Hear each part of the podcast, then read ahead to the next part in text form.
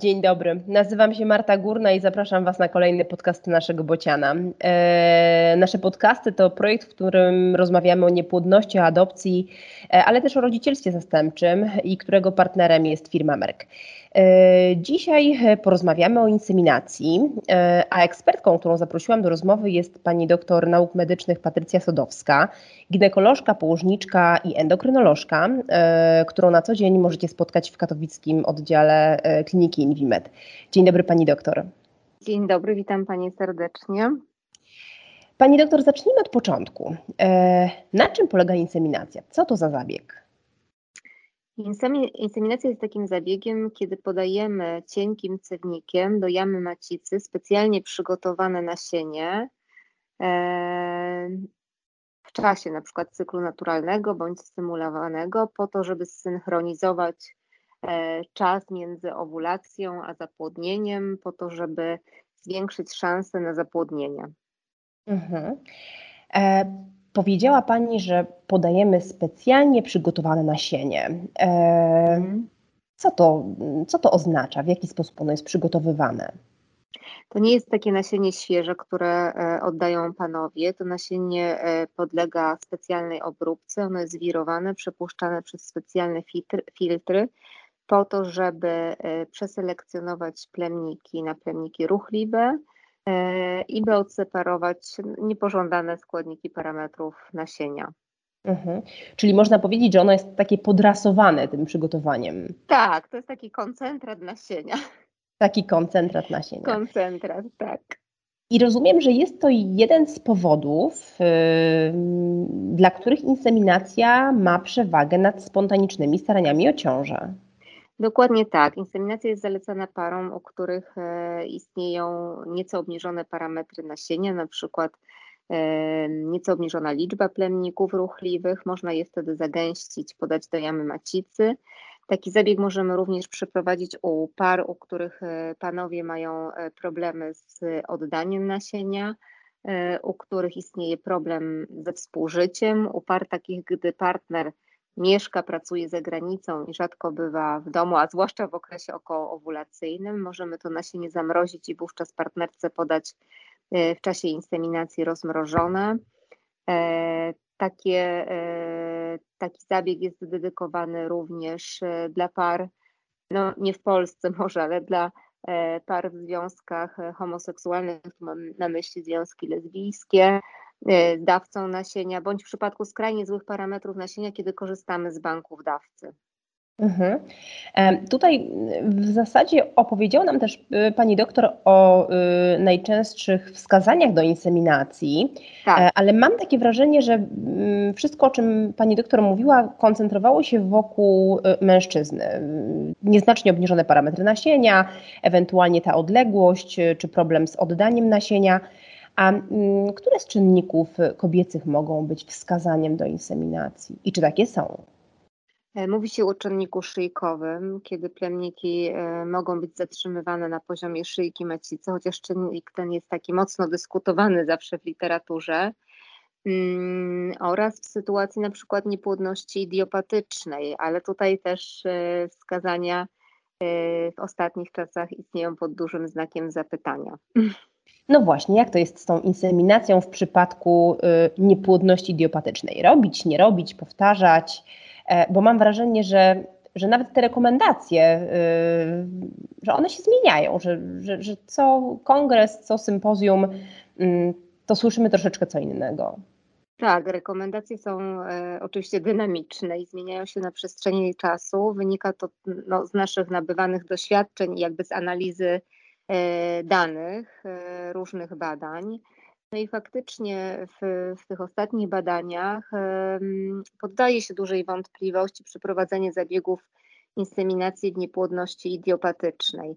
Mm, natomiast e, no według jakby metaanaliz cały czas, jeżeli mamy do czynienia z niepłodnością idiopatyczną, przeprowadzenie inseminacji w cyklach e, stymulowanych e, przynosi nieco większe rezultaty niż postępowanie wyczekujące.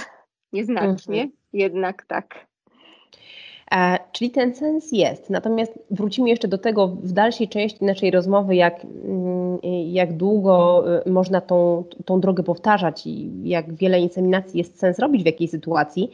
Ale mm, chciałabym teraz jeszcze zapytać o to, w jakich sytuacjach raczej nie zaleca się inseminacji, mm, albo w, w których przypadkach, dla, dla jakich par no, ten zabieg nie jest dobrym rozwiązaniem, bo przecież to nie jest um, zawsze ta metoda pierwszego wskazania dla danej pary. Mhm. To na pewno nie jest wskazany, jeżeli mamy niedrożne jajowody, bo wówczas szanse powodzenia inseminacji e, są no żadne, równe zeru. Mm, na pewno nie jest zaawansowana w bardzo, e, nie jest wskazana w bardzo zaawansowanych stopniach e, endometriozy. E, nie jest również wskazana, jeżeli kobieta jest starsza. Tutaj tą granicą jest 38-39 rok życia, chociaż faktycznie część pań, które się stawiają do kliniki niepłodności w celu diagnostyki i leczenia, które gdzieś tego partnera poznały dosyć niedawno, mają prawidłową rezerwę jajnikową, mają drożne jajowody, a mają na przykład 39 lat, trudno im odmówić tego mhm. zabiegu inseminacji.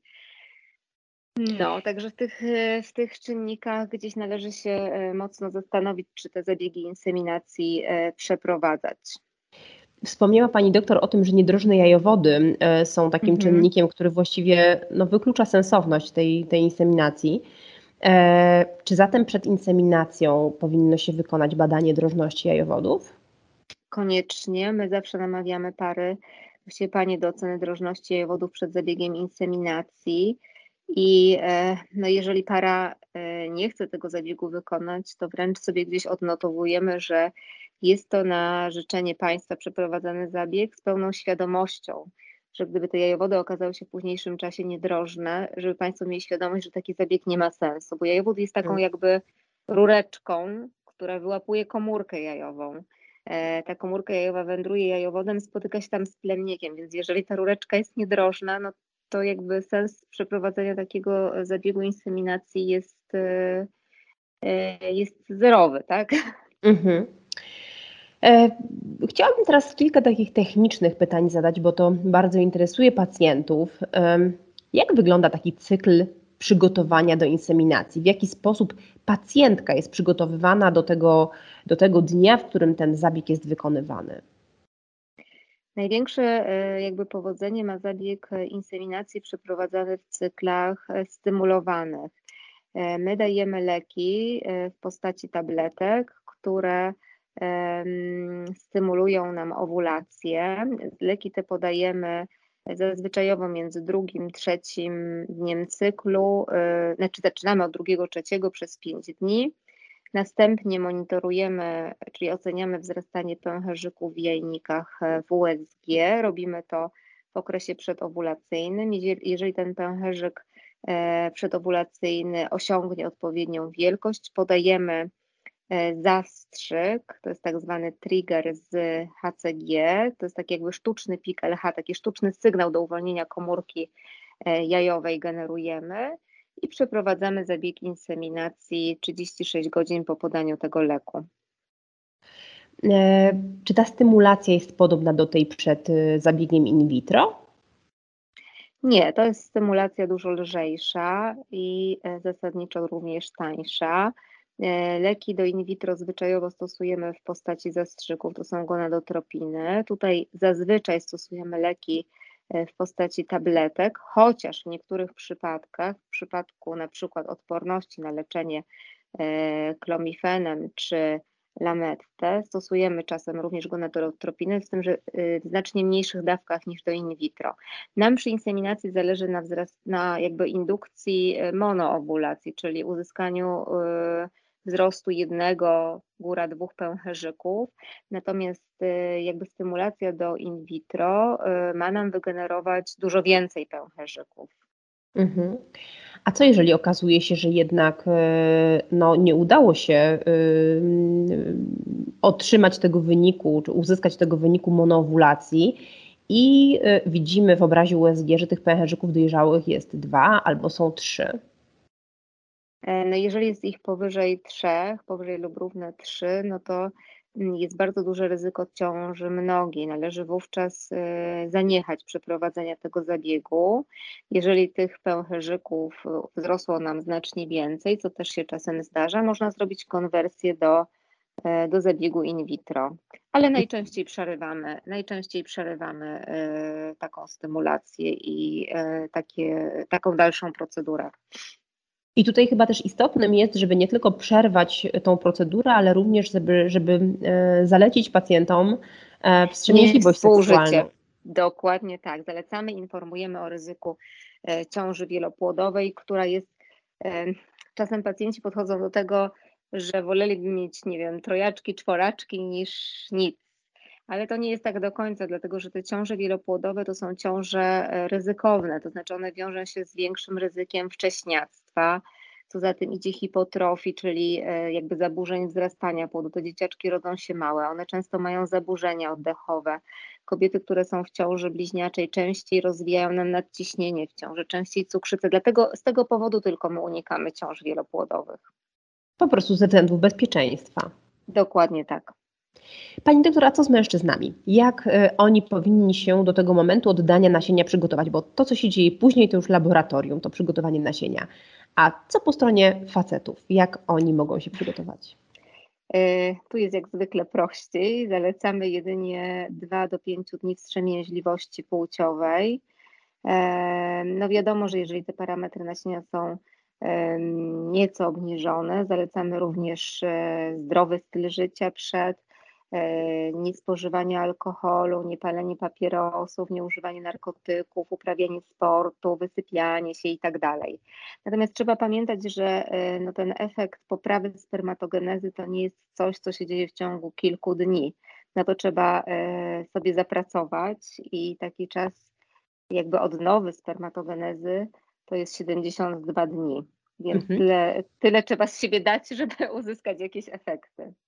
Właśnie do tego chciałam teraz nawiązać. Co jeżeli mężczyzna w ciągu ostatniego miesiąca czy dwóch na przykład chorował? Teraz y, mamy szczególny czas, kiedy, kiedy żyjemy właściwie ciągle y, w dobie pandemii COVID. Co jeżeli gorączkował, przyjmował antybiotyki? Czy to są e, powody, dla których taki zabieg warto przełożyć na późniejszy czas? Oczywiście, że tak. E, my oczywiście e, w trakcie przygotowywania nasienia e, oceniamy to nasienie pod kątem koncentracji, ruchliwości, oceniamy jaki jest stopień zagęszczenia. Więc przed zabiegiem inseminacji wiemy, jaką próbkę nasienia podajemy. Jeżeli to nasienie jest nieprawidłowe, nie uzyskujemy takiej wartości tak zwanej inseminacyjnej, czyli która rokuje nam na ciążę, należy parze wytłumaczyć i, i poprosić, żeby, żeby partner odczekał, wydobrzał troszeczkę, dlatego że szanse powodzenia inseminacji przy braku dawki inseminacyjnej to, to jest jedynie 1-2%. Mhm. Wówczas mija się to e, z celem. Pani doktor, a jak wygląda sam zabieg? I czy jest bolesny? Bo to pytanie też e, często zadają pacjentki. Czy, czy inseminacja odbywa się e, w znieczuleniu, czy, czy to jest zabieg bezbolesny, czy może nam towarzyszyć ktoś bliski podczas samego zabiegu? E, zabieg jest zaskakujący dla pacjentek z tego względu, że trwa bardzo, jest, odbywa się w sali zabiegowej, na fotelu ginekologicznym pod kontrolą najczęściej USG jest bardzo krótki i bezbolesny. Mhm. E, więc pacjentki zazwyczaj po zabiegu inseminacyjną to już. Więc tak to wygląda. E, jeżeli chodzi o kwestię obecności partnera przy tym zabiegu, to myślę, że zależy to od reguł kliniki. Część klinik dopuszcza uczestniczenie partnera przy zabiegach czy transferach, przy zabiegach transferów zarodków czy inseminacjach. Część klinik nie. My akurat w naszej klinice E, ze względów, e, no teraz myślę, że też covidowo-pandemicznych, natomiast organizacyjnych, e, no też najczęściej nie wpuszczamy partnerów. Zdarzały się oczywiście sytuacje wyjątkowe w sytuacjach głębokiego stresu pacjentek, w przypadku kiedy nie było innych pacjentek na salach zabiegowych, czyli tak, tak zwanych współtowarzyszek pokoju, mogliśmy wpuścić mężczyznę, żeby potowarzyszył pani, ale raczej tego nie praktykujemy. Mhm. A co możemy zrobić po? Czy jest jakiś schemat postępowania albo dekalog zachowań dozwolonych i niedozwolonych po inseminacji, e, czy nie wiem, warto poleżeć na tym fotelu e, ginekologicznym ileś minut po samym zabiegu. No bo my wiecznie zadajemy sobie pytanie, co my możemy zrobić, na co realnie moglibyśmy wpłynąć, bo, bo ta sprawczość jest nam potrzebna, e, jak powietrze. No w zasadzie zachowywać po zabiegu inseminacji można się zupełnie normalnie. E, my ze względów technicznych zalecamy pacjentce przed e, zabiegiem inseminacji wypełnienie pęcherza moczowego, czyli prosimy, że żeby wypiła na tyle wystarczająco e, płynów, żeby chciało się jej siusiu. Robimy to po to, że wypełniony pęcherz moczowy odprostowuje nam troszkę zagięcie macicy i jest nam łatwiej wprowadzić cennik inseminacyjny. E, po zabiegu zalecamy pacjentce e, chwilkę odpoczynku jeszcze na kosetce, po czym po 10 minutach może udać się do toalety. Jeżeli pary chcą, mogą współżyć, kontynuować współżycie w domu, co być może, że jeszcze zoptymalizuje szanse inseminacyjne. E, no i po 12 dni po przeprowadzonym zabiegu sugerujemy, żeby wykonać test ciążowy z krwi. Takie pytanie jeszcze zadam, które e, wiem, że dręczy dziewczyny. E, czy to pójście do toalety bezpośrednio po e, inseminacji? To pytanie też zadają dziewczyny po transferach. Tak. Nie generuje takiego ryzyka, że nie wiem, że ona się nie wypłynie, że my zmniejszymy szanse na to, że to się uda. Nie, absolutnie nie. Również po transferze zarodków też się nic nie dzieje, zarodek nie wypadnie. E, należy pęcherz opróżnić i nie bać się, że to wpłynie na e, pozytywny rezultat zabiegu. A L4 po? Warto, czy, czy może warto żyć pełnią życia? E, ja uważam, że to zależy mm, od charakteru pracy, który, który ma dana pacjentka. Wiemy, że niektóre pacjentki pracują ciężko fizycznie i e, abstrahując wówczas od zabiegu inseminacji czy in vitro, również e, przy poczęciu naturalnym, jeżeli pacjentka jest obciążona ciężkim czynnikiem fizycznym, jeżeli pracuje na zmiany, nie dosypia, to wiadomo, że są to czynniki, które upośledzają gdzieś zagnieżdżenie e, zarodka. Więc no wszystko zależy od tego, jaki charakter pracy tak naprawdę panie mają. Natomiast jeżeli to jest jakaś praca, e, która nie wiąże się z dużym wysiłkiem fizycznym, z jakimiś niebezpiecznymi zachowaniami, e, to rozumiem, że możemy wrócić do pracy następnego Można normalnie kontynuować, można chodzić na spacery, można, e, jeżeli to jest, nie jest jakiś ekstremalny też wysiłek fizyczny, uprawiać sport dalej, można kochać się z mężem, można zachowywać się zupełnie normalnie. To dobre wiadomości. tak jest. Pani doktor, a jak wygląda skuteczność inseminacji e, i od czego ona zależy, bo, bo wiemy, że ona jest naprawdę różna. E, więc jakie są te czynniki, które zwiększają bądź zmniejszają szanse na ciążę po inseminacji? Skuteczność dla pojedynczego zabiegu jest, e, jeżeli powiem procentowo, jest oczywiście mało entuzjastyczna, bo wynosi ona między 12 17 procent. Natomiast jeżeli by wziąć pod uwagę taki zbiorczy wskaźnik dla trzech zabiegów inseminacyjnych, no to sięga on gdzieś 40%. Mówi się, że skuteczność zabiegów powyżej trzech już nam e, nie wzrasta. To zależy na pewno od e, właściwej oceny cyklu, e, od czasu przeprowadzenia inseminacji, od dawki inseminacyjnej, od schorzeń współistniejących, które mogą nam również pogarszać jakość gamet, czyli na przykład jeżeli panie mają endometriozę, to wiemy, że jakość komórek rozrodczych może być gorsza. Potem, jeżeli chodzi o policystyczne jajniki, e, wiemy również, że jakość komórek jest e, słabsza. Także jest wiele czynników, które gdzieś e, mogą nam kolidować. Jeżeli pacjentki chorują na niedoczynność tarczycy, a ta niedoczynność tarczycy jest niewyrównana, to również to obniża wskaźnik powodzeń. Wspomniała Pani doktor o tym, że e, po tych trzech inseminacjach właściwie już e, no, e, nie mamy dużych nadziei na to, że skuteczność będzie większa przy, przy kolejnym i kolejnym zabiegu. Czy to znaczy, że tak naprawdę odliczamy do trzech, a potem szukamy innej drogi, kolejnych rozwiązań? Tak pokazują dane literaturowe i wszystkie metaanalizy, analizy badań itd.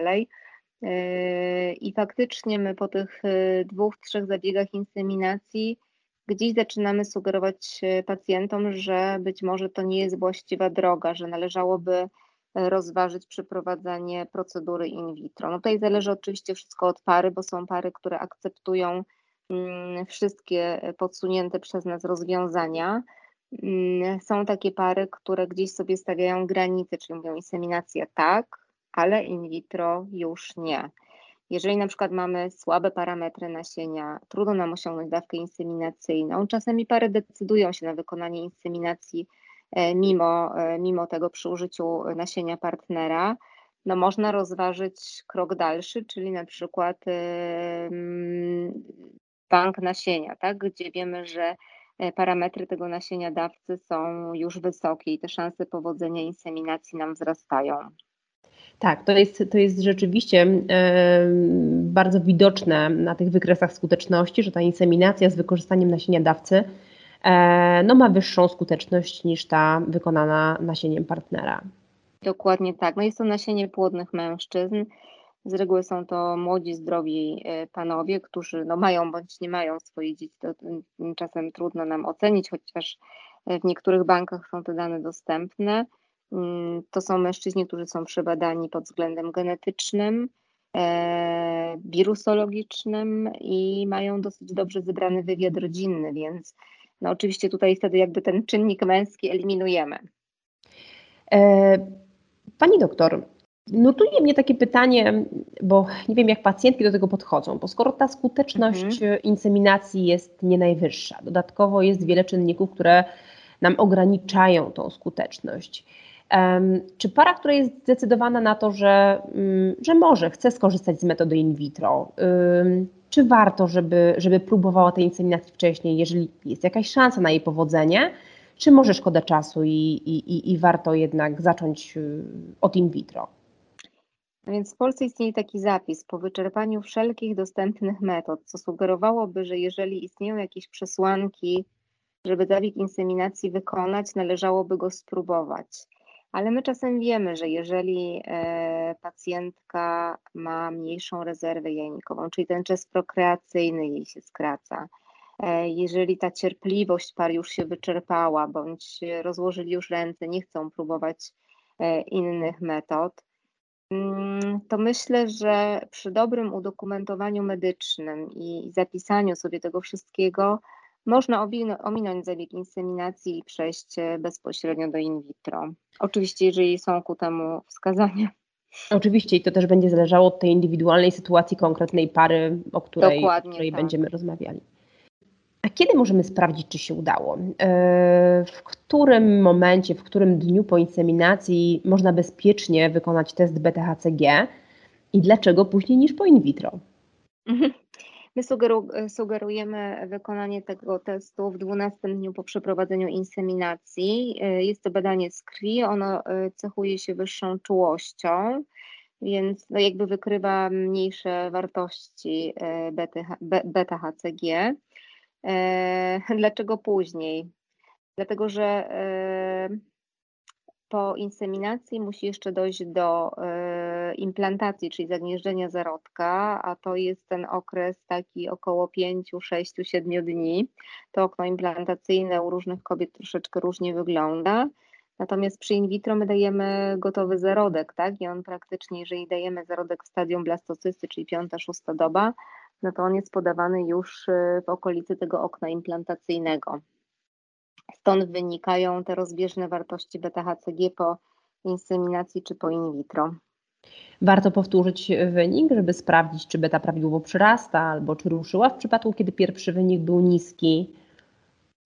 E, warto. Przy prawidłowo rozwijającej się ciąży wiemy, że e, poziom beta-HCG powinien się podwajać mniej więcej oczywiście e, co 72 godziny i my sugerujemy pacjentkom, żeby wykonywały takie badanie nawet przy pozytywnym, nie budzącym wątpliwości wyniku, y, po to też, żeby się czuły y, w miarę spokojnie i bezpiecznie, że ciąża rozwija się prawidłowo, dlatego że my nie jesteśmy w stanie od razu po pierwszym letnim wyniku beta-HCG y, wizualizować ciąży macicy przy pomocy USG. Ta pacjentka musi poczekać kolejne tam 10-12 dni, żeby pojawił się pęcherzyk ciążowy, potem pęcherzyk żółtkowy, echo zarodka. I to jest taki moment wątpliwości, kiedy jeszcze nic nie potrafimy pacjentce pokazać. Ona wie, że jest w ciąży na podstawie tylko wyniku z laboratorium, natomiast nie jest do końca pewna, czy ta ciąża rozwija się prawidłowo. Wydaje mi się, że takie duże poczucie bezpieczeństwa daje pacjentce, jeżeli faktycznie ona sobie robi seryjnie beta-HCG i widzi, że mniej więcej ta beta przyrasta, podwaja się. A proszę jeszcze powiedzieć, Pani doktor, czy jest jakaś standardowa procedura postępowania, e, jeżeli chodzi o podawanie, aplikowanie leków po inseminacji? Czy podobnie jak po in vitro, pacjentki są obstawione jakimiś, nie wiem, e, pochodnymi progesteronu, czy, czy innymi lekami, których e, zadaniem jest no, zwiększenie szansy na, na, na ciążę, na zagnieżdżenie tego zarodka i na prawidłowy rozwój ciąży? E, większość lekarzy, większości klinik podaje progesteron, natomiast y, wiemy na podstawie badań klinicznych, że y, podawanie tego progesteronu mm, nie zwiększa statystycznie szans na ciążę, dlatego że mm, no, po zabiegu inseminacji, jeżeli dojdzie do owulacji, powstaje ciałko żółte. Jeżeli to ciałko żółte jest wydolne, to ono produkuje wystarczającą ilość progesteronu do podtrzymania ciąży. Natomiast część pacjentek też e, jakby oczytana w internecie czy w różnych innych źródłach literaturowych chce wspomóc. My wiemy, że my tym progesteronem absolutnie nie zaszkodzimy, więc e, czasem jest tak, że jeżeli pacjentka chce dostać progesteron, bo wie, że jej koleżanka dostała i koleżanka zaszła w ciąży, a wiemy, że mm, krzywdy pacjentowi nie zrobimy przy użyciu tego progesteronu, a możemy pomóc, gdyby nie daj Boże była faktycznie ciałko żółte, niewydolne, to dlaczego nie dać, prawda? Dokładnie tak. Pani doktor, na koniec jeszcze takie pytanie, e, które zainteresuje tych, którym się nie udaje. E, co jeżeli kolejne inseminacje się nie powiodą? Czy tam dalej już jest tylko in vitro, czy są jeszcze jakieś dodatkowe badania, które można wykonać, albo dodatkowe metody, które można wdrożyć? E, no niestety jest inseminacja, a potem kolejnym krokiem na naszej drabince jest in vitro, więc nie mamy żadnej metody pośredniej. Natomiast oczywiście, jeżeli pary nie zachodzą w ciążę, e, należy się zawsze zastanowić, co może być przyczyną. Być może coś jeszcze nie zostało zdiagnozowane, dodiagnozowane. E, możemy sobie na przykład ocenić kariotypy, czyli zrobić badanie genetyczne pary. Możemy wykonać badania immunologiczne, czyli sprawdzić, czy kobieta jest zdolna do zagnieżdżenia zarodka, czy nie produkuje jakichś przeciwów, które mogą gdzieś y, utrudniać nam implantację, czy powodować zwiększone ryzyko poronień, czy e, pani nie ma żadnych e, zaburzeń w układzie krzepnięcia, czy to z grupy zespołu antyfosfolipidowego, czy zaburzeń krzepnięcia wrodzonych, czyli trombofilii wrodzonych. Mm, należy być może zweryfikować e, jamę macicy po raz kolejny, bo jest grupa zaburzeń, która oczywiście w USG jest niewidoczna. Jeżeli zrobimy histeroskopię, e, możemy zobaczyć, czy nie ma tam jakichś polipów, które nie widać w USG, czy nie ma jakichś wzrostów, e, coś, co może stanowić przy, jakby upośledzenie, upośledzenie w zajściu w ciąży, czy tam utrudnienie w zajściu w ciążę. Mhm, I być bezpośrednią przyczyną tych niepowodzeń. Dokładnie e, tak. Pani doktor, bardzo Pani dziękuję za to spotkanie, za tą rozmowę. E, ja Państwu, dziękuję. Państwu dziękuję za to, że byliście z nami i wysłuchaliście. E, przypominam, że na, naszym, e, na naszej stronie internetowej oraz na platformach takich jak Spotify czy Apple Podcast można wysłuchać wszystkie e, odcinki naszych podcastów. Zapraszam Was do tego serdecznie i przypominam, że Panią doktor Patrycję Sodowską możecie spotkać i skonsultować się z nią w katowickim Infimedzie. Raz jeszcze dziękuję. Dziękuję bardzo, dobranoc. Do usłyszenia. Do widzenia.